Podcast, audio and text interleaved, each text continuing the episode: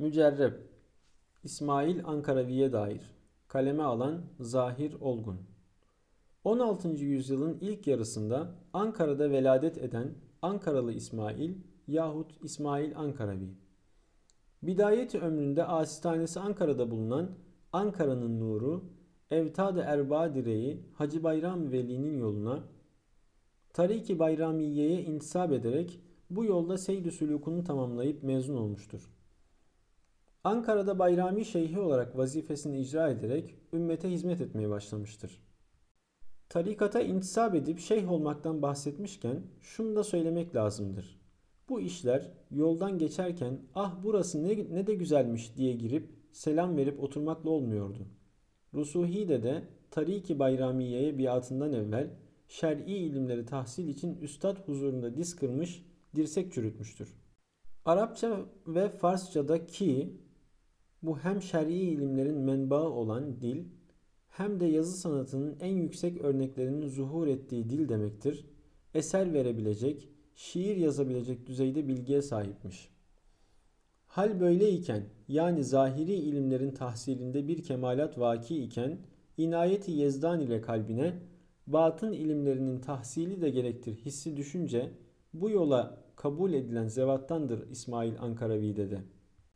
Hazreti Şarih Ankara'da Bayrami Şeyhi olarak icra vazife ederken Hazreti Allah'ın Muhibban-ı Mevlana ve Tullab-ı Mesneviye yani Hazreti Mevlana'nın sevenleri ve Mesnevi öğrencilerine lütfu olarak Hazreti Şarih'in gözlerinde şifası Konya'da bulunan bir illet peyda oldu.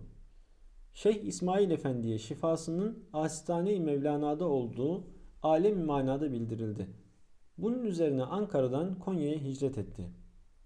Hazreti Şarih Asitane-i Mevlana Şeyhi Bostan Çelebi Efendi'nin huzuruna çıktı. Elinden şifa buldu ve gözlerindeki illetten kurtuldu. Huzur pirde, pirde bulunduğu sıralarda Ferruh Çelebizade Bostan Çelebi'nin cezbesine kapılıp Tariki Mevleviye'ye biat etti.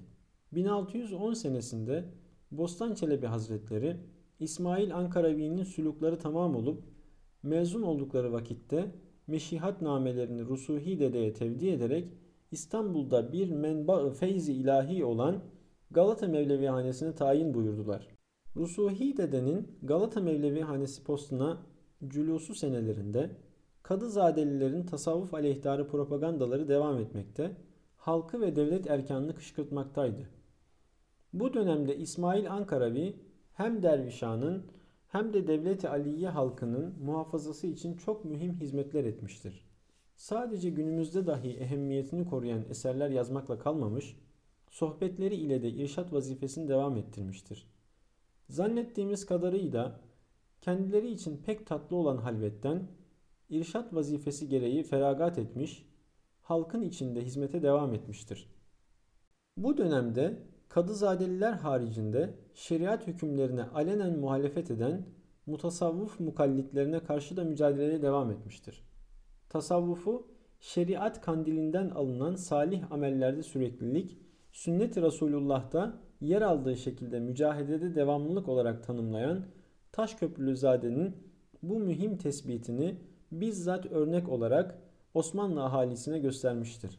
Seyr-i sülük dahilindeki şeriat, tarikat, marifet ve hakikat merhalelerini Mesnevi Manevi'den beyitler ile izah ettiği Nisabül Mevlevi ve Minhacül Fukara isimli eserlerinde bu duruşu açıkça görmekteyiz. Mesnevi'nin Kur'an-ı Kerim'in tefsiri oluşunun birçok defa altını çizen Hazreti Şarih'in şerhi dilimizde yazılmış ve Mesnevi'nin tamamını kapsayan bir güzide eserdir. İsmi Mecmuatül Letaif ve Matmuratül Maarif'tir. Şerhi Mesnevi diye de maruftur. Mesnevi'nin meşhur ilk 18 beytinin şerhi ise Fatihül Ebyat ismiyle bu eserin başında basılmıştır. Ankaravi şerhi Murat Nakşibendi tarafından kurulan Darül Mesneviler başta olmak üzere döneminden sonraki Mesnevi şarihlerinin de ana kaynaklarının başında gelmiştir. Darül Mesnevilerde yetişen Mesnevi hanların icazetnamelerinde hususen Ankaravi şerhinden imtihan olduklarının belirtilmesi bu durumun en açık göstergesidir. Ankaravi şerhi evvelinde Arapça ve Farsça olarak telif edilmiş birçok mesnevi şerhi mevcuttur. Özellikle 16. yüzyılda yazılan Molla Fenari'nin Dibace-i Mesnevi şerhi Osmanlı Mesnevi şerhi literatürünün öncüsü kabul edilir.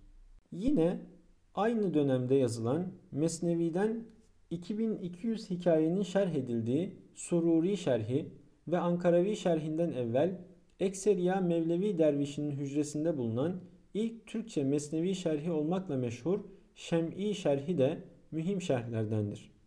Bu kadar malumat furuştuktan sonra Ankaravi döneminde yaşanan bir hadiseden bahsetmek istiyorum. 17. yüzyılın başlarında kimi topluluklar tarafından Mesnevi'nin mürşid olarak yeteceği ve seyr sülük etmek için bir insan kamil terbiyesine girmenin gerekmeyeceği safsatası yayılmıştır.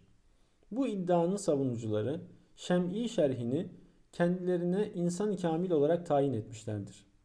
Mesnevi'nin kamil olduğu konusunda haklı olsalar da insan olması hususunda bir gaflete düştükleri açıktır. Birçok Mesnevi Han tarafından Şem'i şerhine yapılan tenkitler Mesnevi bilgisine sahipse o bilgiye haiz bir şeyhe baş kesmesi ondan iznü icaze alması lazımdır şiarına dayanır. Rusuhi Dede Efendi de bu tenkidi Şem'i şerhine dayanarak kendi kafalarına göre sülük etmeye çalışan kimselere dayandırmış ve Mesnevi Manevi'nin mürşit huzurunda baş kesmeden, feyz almadan şerh edilemeyeceğini ortaya koyarak bu mukallit adet, adetin önünü kesmiştir. Yazının gidişatından İsmail Ankaravi Hazretlerinin Rusuhi Dede ve Hazreti Şarih mahlaslarının sahibi olduğunun anlaşılacağını zannettiğimizden ayrıca bir açıklamaya gerek görmedik. Rusuhi Dede Efendi'nin türbelerinin büyük yıkımlara rağmen halen Galata Mevlevi Hanesi Müzesi içerisinde olduğunu ziyaret etmek isteyenler için söylemiş olalım.